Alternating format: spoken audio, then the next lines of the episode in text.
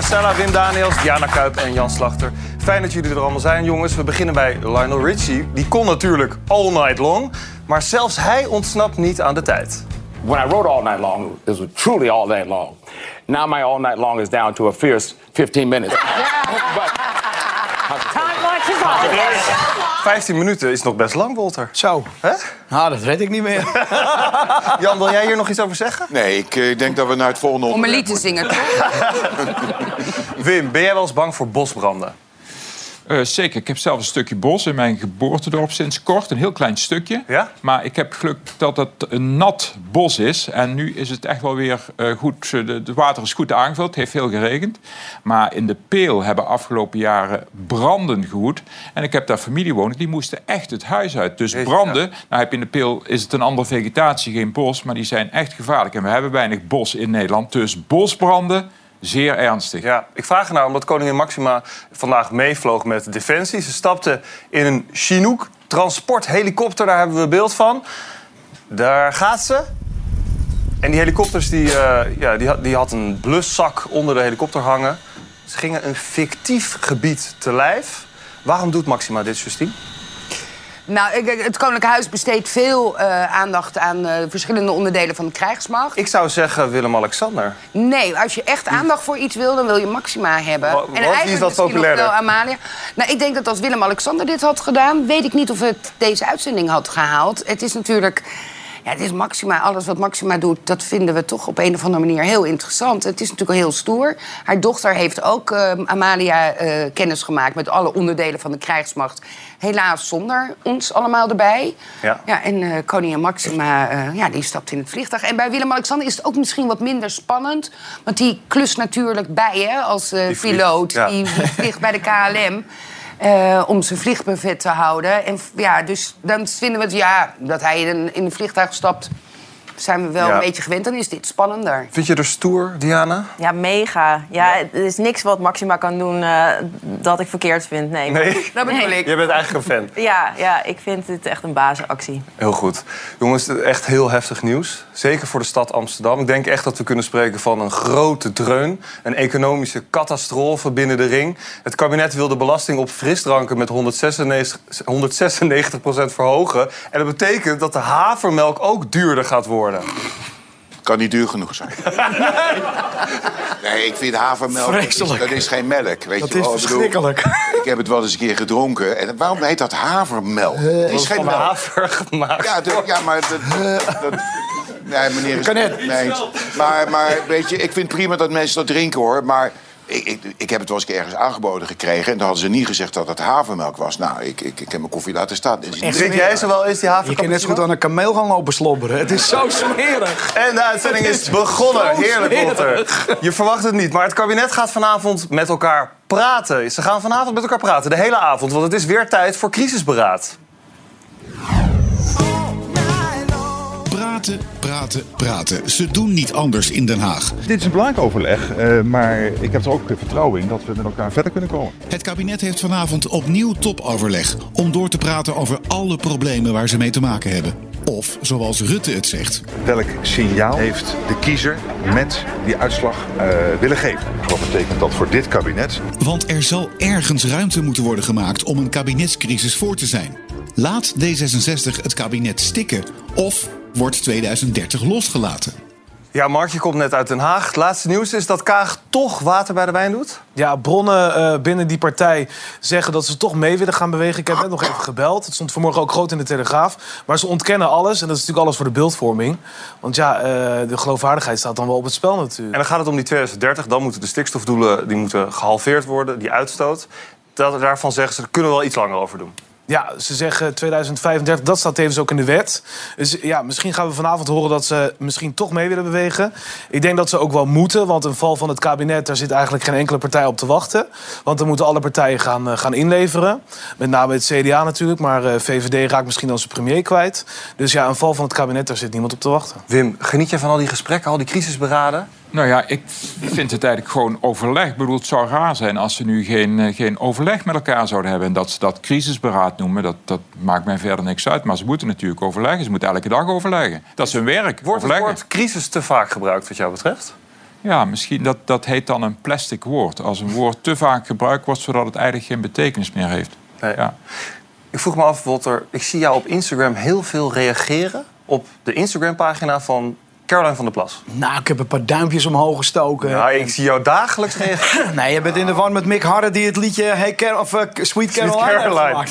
Ben jij Nee, maar fan ik van ben haar? Wel, nou ja, ik vind wel dat zij, eh, zij heeft wel een punt gemaakt, vind ik, in Nederland. Ja. Weet je, het- ik denk dat we met z'n allen te lang genoeg belazerd zijn inmiddels. Dat we geloven het, ons eigen kabinet gewoon niet meer met bepaalde dingen. ja. Wat is er eigenlijk gebeurd met jouw hand? Ik zit er nu naar te is- kijken. dat, is een, dat is een veel te lang verhaal. Daar komen we uit kort? in VI zo lang. moet- nee, dat is heel kort. Tijdens het televisiegalen is hij gebroken. Is niet echt heel goed geheeld. En ze hebben van de week met, eh, met twee chirurgen en een heel team... hebben ze met 3D-printers hebben ze die pols helemaal rechtgezet. Stukje uit mijn heup gehaald, aan mijn bekken. Jongen. Hier ingeplaatst. Ja, het is, ik heb het filmpje, van- foto's vanmiddag gezien. Het was waanzinnig. Echt, ja, Ja, ik vind dat mooi. ik heb ze er ook, ook gezien. En je Maar eh, ik kon, ik kon niet verder als... Laat het vooral Ah, nee. niet zien. Maar fijn dat het goed is Ik kon gegaan. niet verder als dit en nu kan je gewoon... Nu kan je het weer. Ja. Dus dat is goed nieuws. Dit lukt ook weer. Ja. Dit lukt ook. Mark, even terug naar jou. Want op zich goed nieuws dat D66 zegt... ja, we doen water bij de wijn. Maar dan zit het ook toch echt weer niet mee. Dan komt er toch weer slecht nieuws uit Brussel. Ja, net eh, kwam de Europese Commissie met nieuws naar buiten. Er mag geen eh, vertraging optreden bij eh, de aanpak van stikstof. De halvering in 2030.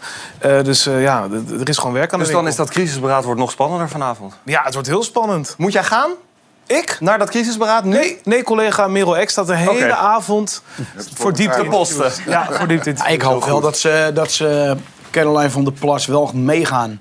Echt meegaan laten beslissen. Want ik geloof dat heel Nederland een beetje, zo'n beetje inmiddels voor, eh, voor haar gekozen heeft. En ik hoop ook echt dat ze het waar gaat maken. Hè? Want er zijn wel meer partijen die natuurlijk in één keer heel groot worden. En daarna zoep, weer helemaal weg. Ik hoop echt dat zij heel groot wordt. We gaan het allemaal zien. Jan, heb je gisteravond naar Bo zitten kijken? Ja. Ja, gisteravond het verhaal van Aisha Margadi. Ze was natuurlijk in de Volkskrant, had ze gereageerd rond eh, Studio Sport. Eh, gisteravond zat ze dus aan tafel bij Bo en daar eh, deelde ze haar ervaringen over die redactie. Er gebeurde zoveel. Ik werd uitgemaakt voor excuus Marokkaan. Ehm, eh, er was op een gegeven moment een, een moment dat ik bij een borrel was... en dan komt er... Er vond microagressie plaats en gewoon directe agressie. Maar ben je niet met die problemen dan naar de hoofdredactie gestapt? Ik kan me geen dag herinneren dat ik niet bij Maarten Noten op zijn kantoor zat... ofwel gefrustreerd ofwel huilend. Ik heb zo'n... Ja, Een rottijd. Je krijgt steeds te horen, dit hoort erbij. Kwekeruggengraat. Men wist gewoon niet wat men hiermee aan moest.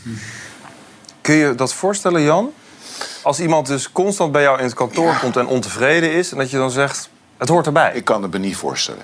Ik kan me echt niet voorstellen. Zij zegt dat het zo is. En ik denk dat we ook het onderzoek moeten afwachten... wat er uiteindelijk intern door de NOS eh, geïnitieerd is... en de commissie van Rijn. Hoe zou jij reageren Als, als, iedere, iemand... iemand... iedere dag bij mij op uw bureau Ja. staat... En, en, en klaagt over racisme en, en, en vernedering... en weet ik het dan niet wat... Ja, dan, dan neem je, eh, onderneem je actie. dan ga je iets doen. Dan loop je de redactie op en zeg wat is er aan de hand? Dit, dit, ik vind het... Nou goed, zij zegt het. Ik trek het niet in twijfel, maar...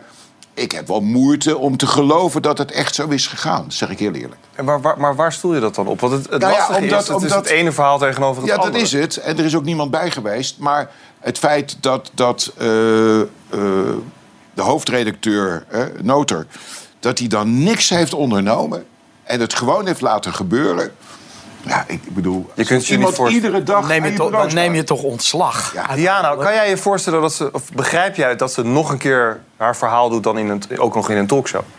Nou, eh, ik heb het even terug moeten kijken ehm, op verzoek. Maar ze zegt dus dat eh, ze vond dat het verhaal was afgepakt eh, van haar... doordat eh, Jack en eh eh Egbert hun verhaal hebben gedaan. Ja. Dat stukje snap ik zelf niet helemaal. Ehm, omdat zij vond dat vervelend. I- Zelf als journalist, maar ook eh, in, in de misdaad... Is het, ja, zijn er altijd twee kanten van een verhaal die gehoord mogen worden, toch? Ehm, dus, dus dat stukje snapte ik zelf niet. Ehm, maar ik sta niet aan haar schoenen. Dus als zij zich zo voelt, dan eh, ja, was dat blijkbaar voor haar Maar nodig. ze zijn niks nieuws. Ze zijn niks Voor nieuws. wat Nee, dat betreft wat er in de Volkskrant stond. Alleen wilden ze haar gram halen, denk ik, omdat zowel Egbers als Jack van Gelder er iets over hebben gezegd... Ja. dan wilden zij er ook iets over zeggen. Maar Wat wil jij zeggen, Wim? Nou ja, je, je- haar gram halen vind ik geen goede woordkeuze. Ik vind het terecht dat zij daar zat. Zij vond dat die twee mensen, Jack van Gelder en Tom Egbers... ehm, die vonden zich toch een beetje slachtoffer van het geheel. Terwijl zij het slachtoffer is. Dus ik vind het volkomen Als terecht. het allemaal waar is, hè? Als het allemaal waar is, dat is natuurlijk zo. Maar zij heeft volkomen, eh, staat volkomen in haar recht om daar te gaan zitten en haar kant van het verhaal te vertellen. En om dat nog eens te benadrukken, hoe het volgens haar gegaan is. Kijk, en je kunt zeggen, ja, het is allemaal niet zo erg misschien, maar dat weet je helemaal niet. Daar is echt wel iets gebeurd. Hoeveel mensen hebben wel niet gereageerd op dat Volkskrant-artikel? Hebben voeding gegeven aan wat daar gebeurd is? Daar is echt iets gebeurd, dus daar had iets ondernomen moeten worden. Daar is valikant misgegaan. Het gaat natuurlijk over de cultuur op die redactie. Bo vroeg haar ook of ze misschien er zelf niet goed bij paste. Past jij wel in die redactie? Kan je daar eerlijk antwoord op geven? Ik paste er absoluut zonder enige twijfel. Want ik zorgde er namelijk voor dat er hele mooie uitzendingen werden gemaakt. Wij presentatoren, ook Tom Egbers en ook een Jack van Gelder... wij weten helemaal niet alles. En ik wist nog minder dan zij. Wij worden gevoed door de echte sportkenners... de sportredacteuren op de vloer. En als zij je niet welwillend zijn... ja, dan ben je verloren. Dat lijkt me wel heel moeilijk om mee te maken. Dat is het ook. Eh, maar waar ik bij moeite mee heb, om, wat Wim net zei... Kijk, laten we in godsnaam dat onderzoek afwachten. Weet je, dat onderzoek dat moet nog komen... en de uitkomst daarvan zal aantonen wat er allemaal is Maar gebeurd. wat vind je ervan? Kijk, iedereen heeft toch ook wel het gevoel van... ik wil mijn deel van het verhaal ook vertellen. Jack zit hier natuurlijk regelmatig, wordt er dan ook naar gevraagd. Egbers wordt voor zijn wel gevoel mensen niet goed die dus- gehoord door de Volkskrant. Dus gaat bij... Het is ook wel logisch dat iedereen in een programma gaat zitten. Ja, nou ja, goed, ik, ik snap dat wel. Want als je dus zomaar met naam en toenaam... waarom moet dat allemaal met naam en toenaam? Doe Egbers, ik snap Egbers heel goed dat hij daar is gaan zitten. Ja. En probeerde zijn verhaal te vertellen. En heeft ook bepaalde dingen toegegeven. Maar om nou te zeggen dat we nu al met elkaar een oordeel kunnen vellen... voor wat daar echt is gebeurd... zul je toch echt moeten wachten op het onderzoek. Ik denk dat je daar heel moeilijk achter kan komen. Ook als je kijkt naar dat ehm, eh, artikel zelf. Daar z- eh, zijn er dan drie mensen die beamen wat Aisha heeft meegemaakt. Maar er is ook een aantal mensen die zeggen... ja, Aisha zette zichzelf buiten de groep. Ja. Dus daar, op het moment dat ik dat lees, weet ik het al niet meer. Dus, weet Nee. je wel, dus het is natuurlijk allemaal verhalen, meningen... hoe je je voelt. En dat hele NOS-sportverhaal gaat heel veel over sfeer, gevoelens... hoe iets bedoeld is. En dat maakt het heel moeilijk. En daardoor praten we er ook nog steeds over. Ja. Wat, is, wat is de waarheid? Ik wil nog een klein stukje laten zien, want het volgende fragment viel jou op, Jan. Hij zat dus in dat bad en jij was aan het bellen met hem. Ja, toen heb ik me eigenlijk eh, rechtstreeks gevraagd... ehm, ik zou het heel fijn vinden als jij mijn mentor zou willen zijn. Ik wil van je leren. Ja, nou, alleen als je bij me in bad komt liggen. Ja, maar je kan ook zeggen, oké, ongepast mislukt grapje. Ja, maar op dat moment vond ik het heftig. Want ik had namelijk al verhalen gehoord. Wat voor verhaal had je gehoord? Ja, dat, dat zijn eigenlijk verhalen die niet aan mij zijn om te vertellen. Omdat ik ze uit tweede of derde hand heb. Hoe kijk je hiernaar? Ja, uit tweede of derde hand. Ik bedoel, als je dat zoiets lanceert Heel op, raar op dit. televisie... eh, dan vind ik ook dat je dan eh, moet zeggen wat, er, wat je dan precies gehoord hebt. Maar om dit zo'n beetje in het midden te laten... en Jack daardoor meer verdachte te maken... daarom zeg ik nogmaals, wacht op het onderzoek. Maar dit lanceren, zomaar eventjes... Maar dan wil je van- toch helemaal niet meer dat hij je mentor wordt... als je al, als je je al zo voelt. Als je, nou al dat Als je die verhalen als je al die hebt verhalen gehoord, al hebt gehoord... dan ga je hem toch niet bellen van... ik wil dat jij mijn mentor wordt... want dan weet je wat je te wachten staat. Ik concluderend, Jan. We hebben de Voice gehad, de wereld uit door, nu Studio Sport. Het gaat over die cultuursverandering. Heb jij het gevoel dat die cultuursverandering al plaatsvindt op dit moment in Hilversum? Ik denk het wel. Er wordt heel veel over gesproken. Eh, op een gegeven moment praten we bij Max ook over... dat ze op een gegeven moment tegen me zeggen... Jan, nu weten we het wel. Weet je wel, mensen Je begint er ook wel- steeds over. Ja, dan beginnen mensen van, ja, nu hebben we het wel gehoord. Weet je wel, dan komt er weer een brief en zo. Kijk, maar wat ik hoop, en dat zei Sinan eh, gisteren bij Op1... Kijk, de focus ligt nu heel erg op de media. Hè, want bekende Nederlanders, dat verkoopt goed... dat geeft heel veel kliks op, op, op al die eh, kranten... Maar het gebeurt in het bankenwezen, het gebeurt bij de advocatuur... het gebeurt in ziekenhuizen, het gebeurt overal. En ik hoop dat daar ook die cultuuromslag plaatsvindt. En dat mensen... Want ik, ik, ik las een keer een verhaal van, een, van, een, van iemand die in een ziekenhuis werkt... die zei, ik durf dat niet te vertellen. Want dan ben ik mijn baan kwijt. Snap je? Dus ik hoop dat het, dat het echt zodanig gaat veranderen...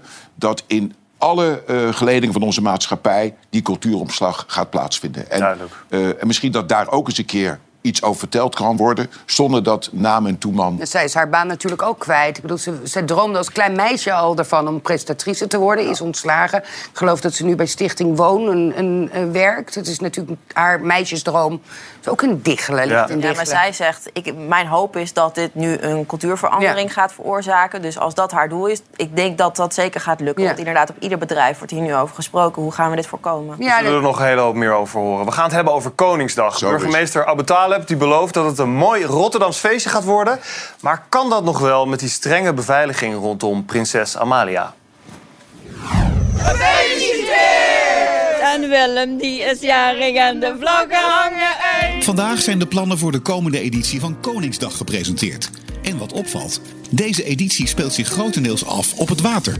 Al jaren schitterde de koninklijke familie met wc-potwerpen en koekhappen... wandelend door verschillende steden in het land. Daarom is het extra belangrijk dat je toch in, in vrede en in vrijheid een feest als dit samen kan vieren. Deze tiende editie van Koningsdag vindt toepasselijk genoeg plaats in 010.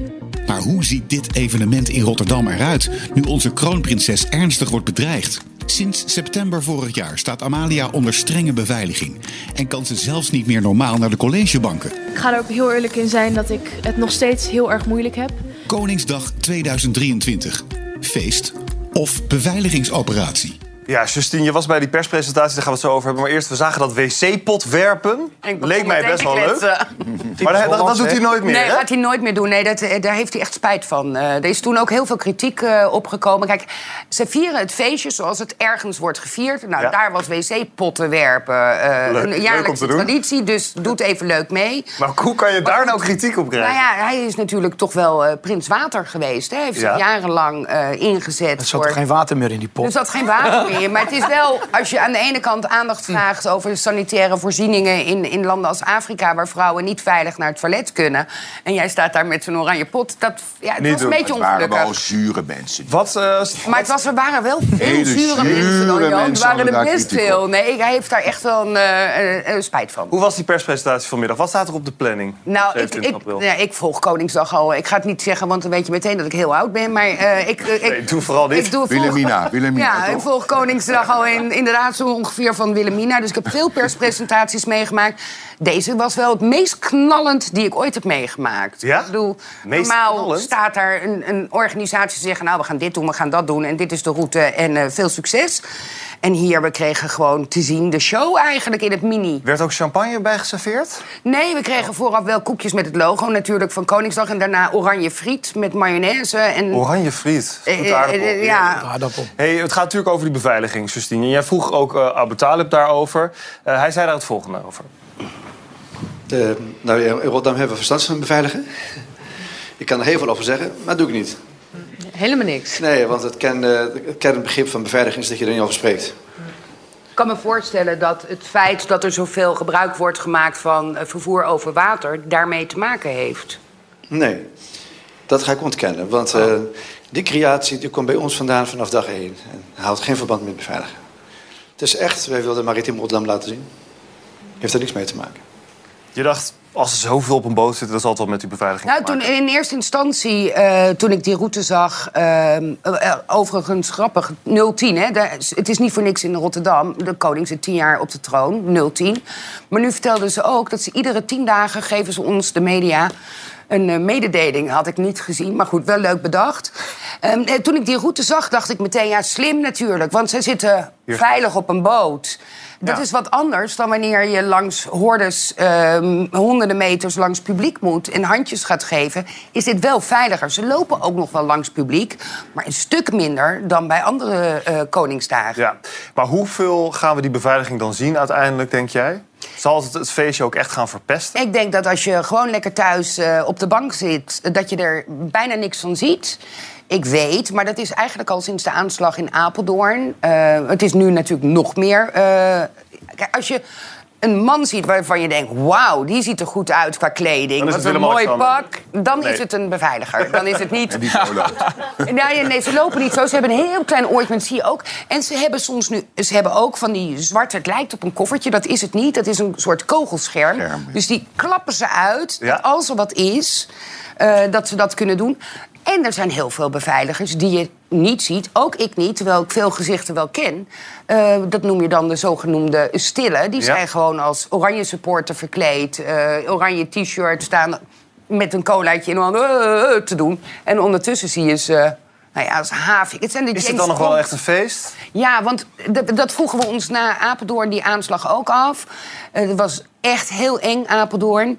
En daarna, het jaar daarna, eh, eh, het startte een beetje voorzichtig, maar het werd ook weer een feest. Ja. En dit wordt echt een groot feest. Geen wc-pot werpen, geen koekhappen, eh, geen zaklopen, maar wel eh, nou ja, wat de koning te horen kreeg, min of meer. Hij moet zijn eh, heupjes los gaan gooien, want hij Veel moet dansen. dansen. Jan, je bent groot, groot fan, hè? Ik ben eh, voor de monarchie. Ja, ik ben fan van, van ons koningshuis. Ik wist het helemaal niet, maar ik kwam daar vandaag achter. Jullie hebben op Radio 5 een programma. Ja. En dat begint elke dag op deze manier. Elke dag met het volkslied. Elke dag. Ik vind dat je Viva Hollandia moet Eh, doen. Ja, ik snap wel waarom jij dat vindt, ja. Nee, we houden het wel bij. Nee, dat heb ik. eh, toen we met Max begonnen was 2005, ik denk 2007, 2008. Het heeft toen ook nog de voorpagina van de Telegraaf gehad. Het was vroeger namelijk gebruikelijk om het volkslied te spelen bij het begin en het einde van de programmering. Dat doen ze bij Elke de BBC nog steeds. Ja. Wij hebben niet het einde van, van de uitzending, maar we beginnen op Radio 5 om 6 uur. Dan krijg je eerst het nieuws, dan komt het volkslied en dan komt Goedemorgen. Haandrikman. En dat doen we al, eh, nou ja, inmiddels eh, 15 jaar. Is het niet heel erg ouderwets? Nee. Ja, sorry. We moeten is veel ouderwets meer... volkslied. Ik ben daar misschien iets te jong voor. Ja, daar ben je iets te jong voor. En dat, Ja, je trots, trots, Nee, trots als op ons andere volkslied. landen het doen, in Engeland bijvoorbeeld, prachtig volkslied ook, eh, Amerika, dan vinden we allemaal, oh, oh, oh, wat mooi. Ja. En wij vinden het meteen tuttig in Nederland, terwijl het is gewoon onderdeel van onze identiteit, Ja, vind dus- ik. Walter, jij bent ook onderdeel van onze identiteit. Is dat zo? Met Viva Hollandia. dat- Is, het, is Koningsdag altijd een groot feest ook voor jou? Een hele de, nacht, drukke de dag? nacht voor, de, voor Koningsdag. sta- Ja, wij doen echt... Koningsnacht doen we drie optredens. En Koningsdag doen we er altijd vier of vijf. Dan zijn we echt het hele land door aan het racen. Dat je dan nog Maar- stem hebt. Nee, die heb ik ook niet meer daarna. Uit playback. Nee, nee, nee, maar daarna is het klaar. Dan is gewoon na die dag dan... eh, Maar inderdaad, de Nacht van Oranje, dat is zeg maar de Koningsnacht... staan we altijd in Ahoy. Elk jaar, al twintig jaar lang. Ja. Hoe zal deze Koningsdag voor Amalia zijn? Concluderend. Nou, ik denk dat het voor haar eh, eigenlijk een heel leuk feestje wordt. Omdat het, eh, ze is natuurlijk onlangs naar de Cariben geweest. En het is daar de hele wereld in één stad. Want er is Kaapverdi's, er is eh, salsa, er is Surinaams, er is een zomercarnaval. eh, Dus, ja, en ze was op de Cariben nog wat verlegen, vond ik, met het dansen. Terwijl ik zeker weet dat ze het kan. Ja. Ehm, eh, Maxima helemaal, ja. En als je, als je los kan, dan is het met Koningsdag. Dus, en misschien... Rotterdam is een geweldige stad, jongens. Absoluut. Dat sowieso. 020 zal niet bij zijn, ooit overslaan maar... vanwege al die beveiliging? Nee, want eh, nee, dat, weet je, dit hoort bij de monarchie. Dan geef je de criminelen echt eh, alle macht. Dit hoort erbij. De koning moet, ook aan, moet zichtbaar zijn, maar ook aanraakbaar. En vooral op Koningsdag is dat eh, mogelijk. Ja. Nou, we gaan het zien. We gaan het allemaal volgen, ook op televisie. Ook bij eh, Omroep Max. Ja, hè? want, want, want Justine zit dan op Koningsdag. Dan kom je naar. We hebben vanaf twee uur uitzending. 1, 2 uur op Paleis Soestdijk. Doen we ook al Ja. heel lang. Nu komt het promopraatje. En dus dan eigenlijk helemaal niet naar half eh, vijf benieuwd. komt dan een Simon en Martine met tijd voor Max. Leuk hoor. Het is een hoop feest. Een ga hoopfeest. vanavond We gaan allemaal naar kijken. Jan. Ja, dan gelijk Wim, mij. dit wordt ook een hele bijzondere Koningsdag voor jou. Jij gaat heel iets anders doen, maar wel een heel bijzonder verhaal. Ja, ik kom op Koningsdag terug met een gezelschap van 30 mensen uit mijn geboortedorp Wij komen terug uit Florence, Ja? omdat we daar een boek hebben gekocht eh, voor 900 euro van een man uit Aalen-Rixel, geboren in 1510. Dat is het boek dat je nu ziet. Ja. En die man is in Italië een grootheid geworden in de 16e eeuw op boekengebied. Niemand kon om hem heen. Dit Jij moest zijn boek hebben. Ja, eh, eh, die, die man is eigenlijk helemaal in de vergetelheid geraakt... terwijl het zo'n grootheid is. Noem zijn naam. Arnoud van Eindhouts heette hij. Toen hij geboren werd. Hij is naar de Latijnse school in een bos gegaan. Wilde naar de universiteit. Wij hadden nog geen universiteit aan het begin van de 16e eeuw. We hebben pas de eerste universiteit in 1575 gekregen in Leiden. Hij ging naar Parijs, waar ook Erasmus zat op de universiteit. Hij ging naar Ferrara, naar Bologna. Kwam in Venetië in dienst bij Diego Hurtado de Mendoza. Ambassadeur in dienst van keizer Karel V. Een jongen uit Aalriksel. Ik ben op 400 meter afstand geboren van waar hij geboren is. Hij schreef, hij schreef boeken. En hij heeft een boek geschreven in 1545, een Grieks-Latijn woordenboek. En ik dacht kort voor kerstmis, toen zag ik dat bij een antiquariaat te koop in Florence. Dit moeten we hebben. En toen heb ik gedacht, we gaan het met een paar mensen kopen... voor het, eh, eh, het heemkundehuis in Aleriksel. Daar leggen we het neer. En toen dacht ik, ja, maar we kunnen het op laten sturen. Waarom gaan we het niet ophalen? En nu gaan we het met 30 mensen ophalen. En bij, eh, bij een antiquariaat. En onderweg worden er voordrachten gegeven. En op Koningsdag komen we dus terug in Aleriksel met dat boek. En dat boek wordt dan koninklijk ontvangen. En ik heb begrepen dat Willem-Alexander wellicht doorvaart naar Aleriksel. Ja. Het gevoel, als je, wat voor gevoel krijg jij erbij als je nu bedenkt dat jij straks dat boek van 500 jaar oud in handen hebt? Ja, en omdat het dus van een jongen uit Aleriksel is... die zich in Italië Arnoldus Arlenius Peraxilus noemde. Van Arnoud heeft hij Arnoldus gemaakt. Van Van Eindhout heeft hij Peraxilus gemaakt... want dat is Grieks voor het einde van het hout. En daartussen zet hij Arlenius, afkomstig uit Aarle. Aarle en Riksel waren toen nog gescheiden gehuchtjes. Ik ben daar zo blij mee. En dat hele gezelschap dat met mij meegaat is even blij. Gefeliciteerd bij deze. Heel veel plezier daarmee. We blijven in Brabant. We gaan naar de familie van Eert. Want die trekt de broekriem aan. Eind 2024 verdwijnt de geel-zwarte supermarkt van het hoofdpodium. Hallo Jumbo wordt houdoe Jumbo. Deze week in de aanbieding een hoofdsponsorschap. Jumbo stopt namelijk in 2024 als naamgever van de schaats- en wielerploeg. We go together for winning yellow. Onder de supermarktsponsor groeit de wielerploeg uit tot de beste ter wereld. Zo wint het met Primoz Roglic drie keer de Ronde van Spanje. De kroon op het werk kwam afgelopen zomer. In de Tour de France wint de Nederlandse wielerploeg niet alleen de gele, maar ook de groene en de bolletjestrui. The winner of the 2022 Tour de France, Jonas Vingegaard. Op schaatsgebied worden er ook veel successen geboekt. Olympische titels voor Sven Kramer. En tegenwoordig rijdt Jutta Leerdam in het geel-zwart rond. Stopt door het vertrek van Jumbo de Nederlandse prijzenregen? Diana, wat dacht jij toen je dat nieuws hoorde? Dat ze er overwegen mee te stoppen? Nou, je denkt op het eerste eh, gezicht van ja, wat een gekke tijd. Want inderdaad, eh, N- Nederland heeft nu de beste wielerploeg ter wereld. Waarom zou je er nu uitstappen? Maar ehm, ja, het is ook wel weer logisch dat je het gaat heroverwegen. Omdat eh, ja, zij zijn, ze zijn een Nederlandse eh, supermarkt en, en België een beetje. Waarom zou je per se heel veel geld besteden voor iets wat zeg maar, dus op een wereldwijd podium te zien is? Terwijl je eigenlijk daar dus niet iets te winnen hebt. Zeg Ja. maar. Dus ik vind het logisch dat zeker op het moment dat het ook minder goed gaat met Jumbo, dat je gaat kijken van hey, moet ik het wel echt allemaal nog in de sport stoppen? Of kan ik het misschien op een andere manier gaan investeren? Was het zonder Jumbo deze wielerploeg ook gelukt? Om de Tour, de tour te winnen bijvoorbeeld? Nou, dat denk ik niet. Want zij zijn wel echt ingestapt in een eh spartelend team. In 2015 toen nog niet per se als hoofd, toen meer als Lotto Jumbo. Eh 2018 kwam toen dat hele fantastische contract... Dat, waarvan ze toen zeiden van eh, onbepaalde tijd. Eh, maar ze hebben er echt heel veel geld in ge- gestopt. En daar hebben ze echt waanzinnig veel mooie dingen mee kunnen doen. Wim, je bent groot fan, groot Ja. wielerfan. Hou jij je hart vast? Nou, dat weet ik niet. Er komt altijd wel weer iets anders. De ploeg zal wel uit elkaar vallen, denk ik. Omdat je natuurlijk kapers op de kust hebt. Als zo'n ploeg gaat stoppen, dan willen ze de beste renners hebben. Maar er komt ongetwijfeld wel, wel weer iets goeds uit voort. Want die renners blijven natuurlijk maar even de goed. ploeg gaat toch niet uit elkaar vallen als Jumbo eruit gaat? Die hebben ook nog Visma, die heeft- stopt er even Ja, veel maar in. to- Het is maar- Ik, maar ik denk wel dat er mensen, eh, renners weggekocht gaan worden. Dat Nou, denk, ik denk niet dat de ploeg bij elkaar blijft, geloof ik niet. Dat, dat, dat- ik denk dat wel. Ja, ik denk dat, want het is niet, ze zijn niet 50% ook zeker geen 100% Het gaat om, eh om Derde, 12, toch? ja, om 12 derde, miljoen. 12 miljoen. En ik denk ook dat Richard Plugge is de baas van eh, de wielerploeg. Die ziet dit ook al aankomen. Want eh, ja, dat kon je wel een beetje zien als, als je ziet hoe, hoe het de laatste tijd met Jumbo gaat. Dus Ja. met Jumbo de supermarkt. Eh, ik denk dat hij al lang met mensen praat. En die heeft ook hele grote ambities. Dus misschien denkt hij ook al wel groter. Weet je, Red Bull bijvoorbeeld, die sponsort eh, al een van de renners, Wout van Aert. Ja. Waarom niet? Weet je wel, dus die is daarvan... Peanuts, 12 miljoen voor Red Bull. Toch? Ja. Dus, eh, Maar groot volgens mij gaat het wel om meer geld, toch? Bob, je bent sport- sportmarketeer. Waar hebben we het over?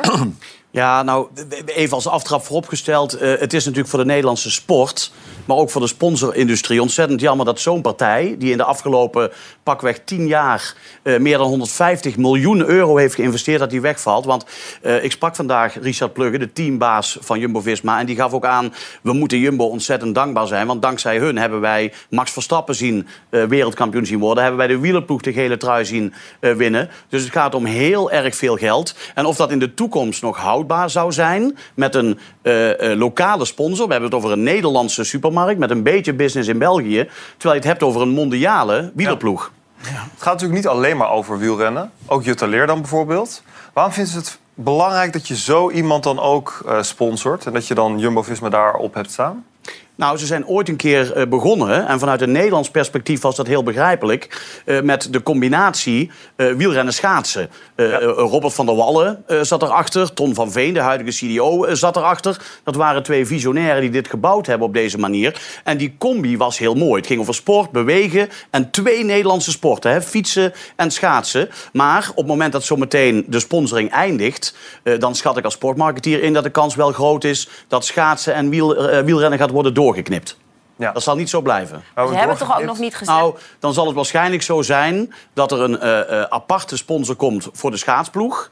En dat er een waarschijnlijk, want ik denk dat dat de kans is voor de wielrenners, dat er een groot internationaal merk komt dat de wielerploeg Nee, zal willen maar- adopteren. Waarom is het uiteindelijk nu toch wel belangrijk voor Jumbo om hiermee te stoppen? Wat doet ze de das om uiteindelijk? Nou ja, het is een combinatie. Hè. Er werd terecht net gezegd van... ehm, ehm, eh, misschien heeft het te maken met eh, strategische overwegingen... omdat Jumbo voelt dat in de toekomst de bedragen alleen maar groter zullen gaan worden... om die topploeg in stand te houden. Maar even heel kort, het heeft te maken met Frits van Eert, hè, de voormalige CEO. Ehm, eh, het heeft te maken met... Die wordt verdacht van witwaspraktijken. Hij werd verdacht van witwaspraktijken. En daardoor is de term sponsoring toch een klein beetje een, een besmet woord geworden in, in, in Jumbo-kringen.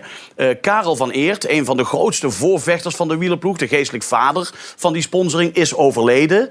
Eh, en dan zie je binnen een bedrijf dat er toch in één keer andere krachten gaan spelen. Tel daarbij op, want dat vergeten we bijna, dat Jumbo in december natuurlijk een akkefietje heeft gehad met de commercial richting het WK. Eh, tel daarbij op dat inderdaad het marktaandeel op dit moment even een beetje onder druk staat. Loopt niet lekker, hè? Nee, dan loopt het niet eh, lekker. En dan is het misschien best wel begrijpelijk dat ze op dit moment, na al die jaren... want nogmaals, in ons vakgebied is het niet raar om na een x-aantal jaar te heroverwegen. Dat is eigenlijk niet gek. Want er is helemaal Dus- niet gezegd dat ze stoppen. Hè? Ze gaan het heroverwegen. Dat is eigenlijk het enige wat ze zouden nog, nog de co-sponsor kunnen worden. Toch? Dat je eerst een ander woordje hebt en dan Jumbo. Dat kan ook allemaal die Ze tussenop. heroverwegen. Justine, als, eh, ja, als dit dan gebeurt...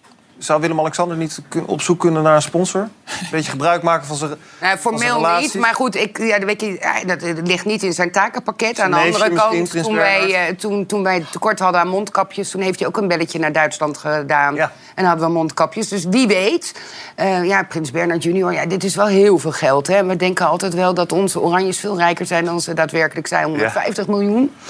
Ik stond Maar vandaag... tien jaar, hè? Het is 12 Ja. miljoen ongeveer per jaar, toch? Oh, dat heeft Ben Nou ja, Koningsdag Ja, op kost... zoek naar 20 tot 30 miljoen schat ik in, als volgende stap. Ja. Maar ja, Frits, Ja, ik is denk ook, Hema. Frits was ook helemaal gek van muziek, hè? Ja. En vooral Nederlandstalig, daar was hij een voorvechter voor.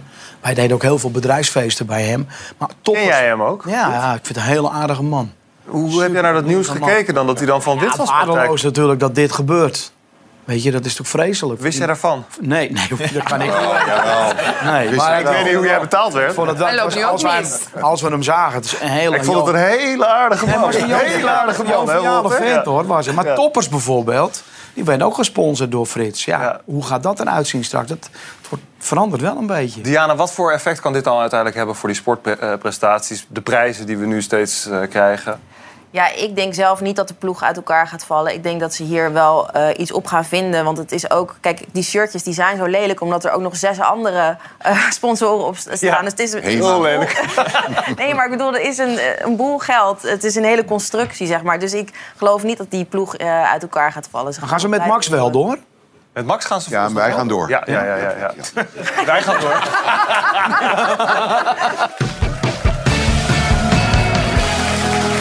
Welkom terug bij half acht.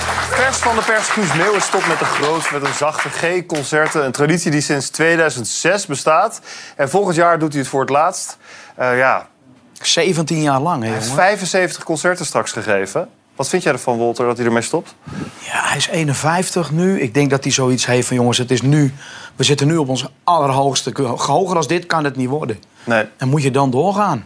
Ja. Op een gegeven moment is het klaar. Dit, nou ja, hij zal gerust wel blijven optreden met, met die jongens allemaal. maar die hele grote concerten daar... albums maken, muziek. Maar ik denk dat dit gewoon ja, groter als dit wordt. Hoeveel geeft hij er per jaar op die manier? Vier of zo? In het PSV-stadion, stukken vier. Ja, ja, zeker, Ja. ja. al jaren. hoor. Ja. Hey, ben jij fan?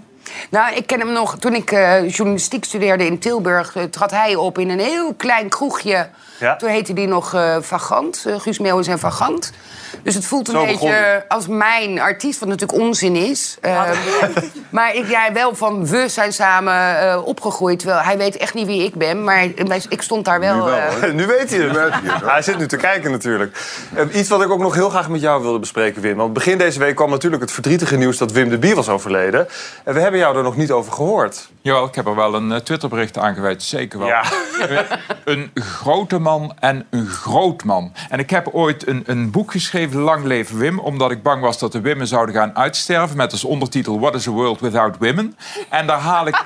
En, en daar haal ik Er worden er elk jaar maar tien geboren, begreep ik. Hè? er worden elk jaar maar tien geboren. En daar haal ik op, Uitstervend zijn jullie. haal ik op Ja. de eerste pagina ook Wim de Bie aan. Want Wim de Bie had die angst ook dat de Wimmen zouden gaan uitsterven. En daar heeft hij prachtige stukjes ooit geschreven op zijn bieslog in 2001. En Wim droeg zijn naam met ere, zegt Wim Wimmers. En dan gaat het op een gegeven moment op, op, over Wim Kok. En dan zegt Wim de Bie... alle Wimmen in het land werden door hem, door Wim Kok... een beetje meer Wim. En uiteindelijk zegt hij ook nog in het bieslog... geef elke jonge vader die bij de burgerlijke stand een Wim komt melden... een fikse premie mee, schreef Wim de Bie. Ik ben ervan overtuigd dat we op die manier Wimmen winnen. Te weinig Wimmen is gewoon niet goed voor ons land. En nu Wim de Bie er niet meer is, is dat zeker slecht voor ons Groot applaus voor alle. Wimmen. Jongens, nou, wijnen, wijnen, wijnen. De derde Meiland-biografie is vandaag uitgekomen. Na Martien en Erika is het nu de beurt aan Maxime om haar verhaal te vereeuwigen in een biografie. Maxime misbruikt, ontspoort en nu gelukkig. Wij gaan bij de half twaalf, kom op. Het is het kijkcijferkanon van SBS6, De Meilandjes. Zing met me mee, zing je oh ja lele. B&B'tje hier, kasteeltje daar. Stilzitten kunnen de Meilandjes niet. En dat blijkt een perfect recept voor een daverend succesvolle realityserie. Chateau Meiland, die zelfs met een televisiering is beloond. Na een wild Frans avontuur zijn ze weer neergestreken in hun eigen Noordwijk, waar ze eindelijk in alle rust kunnen wonen. Die rust is hard nodig, want één stap in het openbaar betekent handtekeningen en paparazzi. Wat zeur jij nou? Dan ga je zelf kijken. Zijn de Meilandjes de Kardashians van de lage landen? Nou, ik denk het wel. Justine, een guilty pleasure van jou? Ja, ik moet wel erbij zeggen, ik weet niet zoveel van de Kardashians af. Dus dat, die heb ik nooit gezien, maar de Meilandjes wel, ja. Kijk je elke week? Eh, als ik thuis ben, ja, en er is niks anders, dan kijk ik ernaar. En eh, ja, ik kijk daarnaar. ik heb maandag gekeken, ja. Ja, heerlijk. Tom, je was vandaag eh, bij de presentatie van het boek van Maxime. Je bent verslaggever bij Shownieuws. Hoe was het daar? Ja, het was weer van ouds Meiland. Een wijntje, hapjes, veel pers, hysterie. Uiteindelijk eh, mochten we er om vier uur zijn, maar iedereen was er al om half vier. En dan beginnen ze ook gewoon, dus geen enkel probleem. Het is altijd heel huiselijk. Wat voor wijn werd er geserveerd? Ja, hun eigen wijn natuurlijk. Oh, hè. natuurlijk. Dit Ja, is echt, hebben ze eh, ook, hè? Ja. ze hebben alles, sjaaltjes, wijntjes, leuke winkels. Tassen. Zijn tassen. Het is echt, eh, ze hebben goede smaak en dat, eh daar genieten we van mee. Dit is het boek dat eh, geschreven is door Jan Dijkgraaf over Maxime. Ja, er wordt natuurlijk heel veel over gelachen. Eh, in hun, of de- niet over het boek, maar in hun uitzendingen wordt er heel veel gelachen. Maar dit is toch wel een heel serieus en kwetsbaar onderwerp. Jazeker. Het boek, eh, Maxime is heel open in het boek. En eh, ja, ze vertelt over de hele heftige dingen die, die ze heeft meegemaakt. En daar heb ik er ook over gesproken. Dat gaan we vanavond ook uitgebreid eh, behandelen bij ons in de show. En met dit boek wil ze ook een voorbeeld zijn voor heel veel jongens en meisjes die een vervelende ervaring. Want wat is er misgegaan? Ja, ik, ik wil er nog niet te veel over uitweiden, omdat wij dat vanavond natuurlijk groot gaan behandelen. dat vind ik een beetje flauw van je. Ja, dat gaat, hè? Kom op, Tom. Je mag het gewoon vertellen. Oké, oké, vooruit. Als jullie het niet allemaal doorvertellen dan. Maar in ieder geval... Iedereen kan het lezen. Ja, ik heb het net gelezen, het boek. Ja, het gaat Ja. over... Ze, is, eh, ze heeft een seksuele mishandeling, eh, ja, verkrachting heeft ze meegemaakt. Ja, en ze hoopt heftig. ook met dit boek dat ze jongens en meisjes inspireert om, eh, om er hiervoor uit te komen. En dat het misschien een beetje kan helpen. Ze heeft die verkrachting meegemaakt. Eh, er zijn ook beelden van haar verspreid online ook. En uiteindelijk heeft ze natuurlijk haar dochtertje gekregen. En dat heeft haar goed geholpen. En daar is ze eigenlijk heel gelukkig van geworden. Ehm, wat we, we hebben natuurlijk ook heel veel mooie, mooie filmpjes. Van, eh, dit is wel heel heftig. Maar er wordt ook heel veel gelachen. En ook heel veel gegild natuurlijk door Martien.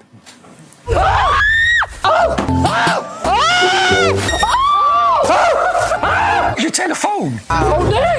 Oh! Oh!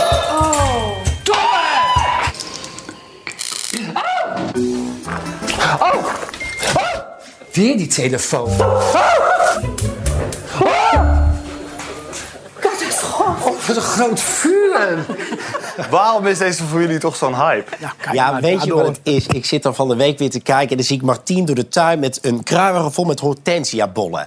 En dan vallen er iedere keer een paar van die bollen af en dan hoor je hem klagen. En ik denk, dat heeft iedereen. Iedereen heeft wel eens zo'n klusje in de tuin... en dan gaat het niet zoals het moet. En ik denk dat we dat in de Meilandjes zien. Het is heel herkenbaar en hun vergroten dat dan een beetje... en daarvoor houden we zoveel van hun. En dit is het fragment dat iedereen nog wel op zijn netvlies heeft staan. Drinkt eh, café. Café? Ver, ver blauw, ver blauw. De no. No, no, no. Oh, nee. Ik zeg, wil je wat drinken? Hij zegt nee. Ik zeg, wil je koffie? Hij zegt nee. Ik zeg, wil- wil je witte wijn? Hij zegt nee. Ik zeg, nou water. Hij zegt nee. Hij zegt, ik ga door. Nou, het is al half twaalf. Wij gaan lekker aan de wijn. Wij gaan beide, beide, beide, wij gaan beide. Half twaalf, kom op. Hou jij ervan, Walter? Ja, ik kan er niks aan doen. Nou ja, dus je bent niet de enige. Is het niet ook iets voor Omroep Max als SBS een keertje loslaat? Het zit heel goed bij SBS 6. Ja. Eh, nou, ik, ik kijk er niet heel veel naar. Af en toe zie ik het voorbij komen. Ik vind het wel een heel slim concept. Ik bedoel, behalve het boek wat een serieus boek is... maar eh, het wordt wel behoorlijk uitgemolken. Nou, het is Eh, knap dat je met het is heel, simpel... Nou ja, slim. Ik bedoel, kijk, als je dan toch met je kop op televisie bent... en, en, en ja, pak dan maar alles wat je kunt pakken, toch? Ik bedoel, dat is wat ze doen. En dat kan ook bij de commerciële omroep. Dat kan niet bij eh, de publieke omroep. Ik denk ook niet dat wij dat salaris kunnen betalen wat zij krijgen. Eh, maar ja, ik bedoel, met dat château, met de boeken, met de wijn, met de sjaals, met de hebben tassen. al- Ze hebben Hij is alles. echt zo, Dat hè? doen ze heel slim. Ze Hij is komen binnenkort echt denk ik eigen supermarkt. Ja, En, eigen eh, Jumbo Eigen ja. van een gal. We hebben ook een sponsor. Wim, wat ik me afvraag, eh, dat boek van Martien, dat is dus 150.000 keer verkocht. Eh, Van Erika ietsje minder, rond de 75.000. Maar dat is echt heel veel, toch? Ja, ja, dat is zeker voor Nederlandse begrippen is dat gigantisch. Je hebt een paar van die boeken die dat per jaar halen. Amalia, het boek van Claudia de Brij, heeft ook ongeveer 125.000 exemplaren gehaald. Boek Derksen, over Johan Derksen, ook boven de 100.000. Maar dit is echt heel erg veel. Het zijn er echt maar een paar die dat... En dan hebben zij ook nog eh, de uitgeverij in eigen beheer. Jan Dijkgraaf, de auteur, en Jan kan echt wel, wel goed schrijven... eh, die heeft het samen met Erika. Au Château is hun eigen uitgeverij. Kijk, als schrijver krijg je 10% van de verkoopprijs. Dat kan oplopen tot 15%. Maar als je zelf de uitgeverij bent, heb je 65%. Wat levert dat dan op? Veel. Dat, ja, als een boek, twe- de- ik- dat boek is denk ik eh, 22 euro. Dat, dat, eh, dat, een auteur zou daar 2,20 euro van krijgen. Maar als je uitgeverij bent, ja, heb je daar 12, 15 euro van. Ja. Nog even kijken naar een stukje eh, van de serie. Martien en Maxime die bespioneren Erika op haar eerste date. Kijk, zij loopt daar. Zie je er dan? Oh, staat hij er ook al? Oh, hij staat er ook al bij. Wat heeft hij nou? Hij heeft bloemen bij zich. Hij heeft bloemen. Ik zie niks. Waarom heb ik mijn bril niet mee voor ver? Kijk, Bijou. Bijou moet ons niet zien, hoor. Nee, natuurlijk Dan niet. zijn we de lul. Wat doet hij? Wat doet hij? Wat heeft hij in zijn hand, dat rode? Kijk, zij lacht zo. Ik Nou, ik zie dus helemaal niks. Ja, nou, dan had je je bril mee moeten nemen. Daar kan ik nou niks meer aan doen. Die Martien, die Martien is gewoon de vrouwelijke versie van Maxime, hè? Jij vindt ze heel veel op elkaar lijken. Ja, niet Bedoel je, je bedoelt niet andersom? Nee, ja, het, is eigenlijk, het maakt niet uit hoe je het zegt. Allebei de kanten. Het is allebei de kanten. Tom, jij komt al vijf jaar bij ze over de vloer. Zijn ze nou veranderd door alle roem? Nee, helemaal niet. Eh, Toen ik net begon bij Shownieuws kreeg ik de opdracht als redacteur om ze uit te zetten. Want ze gingen toen, eh, was een nieuw programma, de Mailandjes gaan weg. Had nog niemand van ze gehoord. En ja, dat was booming. En toen kwamen ze voor het eerst terug in Nederland. Volgens mij was dat met eh, de wijnlancering. En wat een pers. Ze, konden het zelf gewoon niet aan wat er allemaal gebeurde. En ik kom er inderdaad al vier, vijf jaar over de vloer. En het is altijd gewoon hetzelfde. En eh, het, het gaat gewoon door. Nou zijn ze bezig met het pensioen eh, eh, opknappen. Dat pensioen, Pensioen, opknappen. ja. En ik kwam dus daar eventjes voor filmen. En dan zei ik, Martien, je bent helemaal in de, de klus outfit. Ga dus zo filmen voor de Relive serie. Nee, maar het moet er gewoon af. Dus dat doet hij ook gewoon als... Hij doet het echt zelf. Hij doet het echt allemaal zelf. Het blijft ook echt een familiebedrijf. Ze doen alles samen. En dan komt het natuurlijk ook wel eens voor dat er ruzie ontstaat. Jezus. Wil je even boodschappen Daar doen? heb ik geen zin in, hoor. Nee. Dan gaat hij eruit. Ga nou even weg. Je zit helemaal in mijn vizier. Doe nog maar een keer. Nou, minimaal. Ja, minimaal. Ja, Straks is het weer kort. Mart, heb je nou vertrouwen in me of niet al jaren? Zit niet in de knoop, zegt ze dan. Nee, nou, gisteren was het ook zo. En dan doe je even, schud je even en is het uit elkaar. Dat is altijd als je iets wil laten zien, met iemand erbij, dan wil het niet. Jan, kun je je voorstellen dat je met je familie de hele tijd samenwerkt? Nee. Nee. Walter, jij wel? Ik heb 18 jaar met mijn vader gewerkt.